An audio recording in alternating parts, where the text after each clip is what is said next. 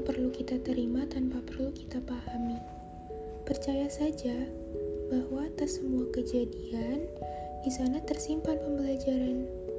Mungkin esok, satu minggu, dua bulan, atau beberapa tahun lagi baru kamu akan mengerti tentang hal yang baru saja kamu lewati.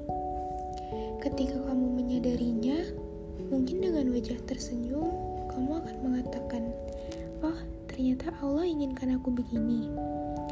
Maka terima saja apa yang terjadi hari ini. Tutup matamu sekarang dan cobalah ukir senyuman di wajahmu. Kamu akan merasakannya. Beberapa orang tersenyum manis satu jam yang lalu dan tiba-tiba menangis 10 menit kemudian. Beberapa orang tersenyum getir 5 menit yang lalu, tapi sekarang bahagia tak terkira. Hidup memang seperti itu kan? Karena hidup itu perjuangan.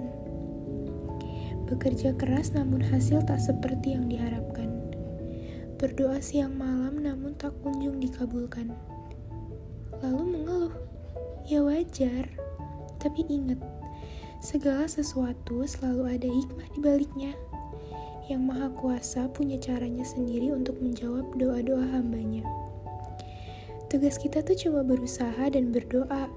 Hidup memang seperti itu kan? Ya, kemudian perihal ujian yang diberikan oleh Allah kepada kita, ujian seharusnya menguatkan, bukan melemahkan. Jadi ketika diuji kamu lemah, belajarlah untuk menguatkan diri. Gak ada yang bisa menguatkanmu selain kamu sendiri. Gak mampu. Coba tanya pada dirimu, di mana letak Allah di hatimu.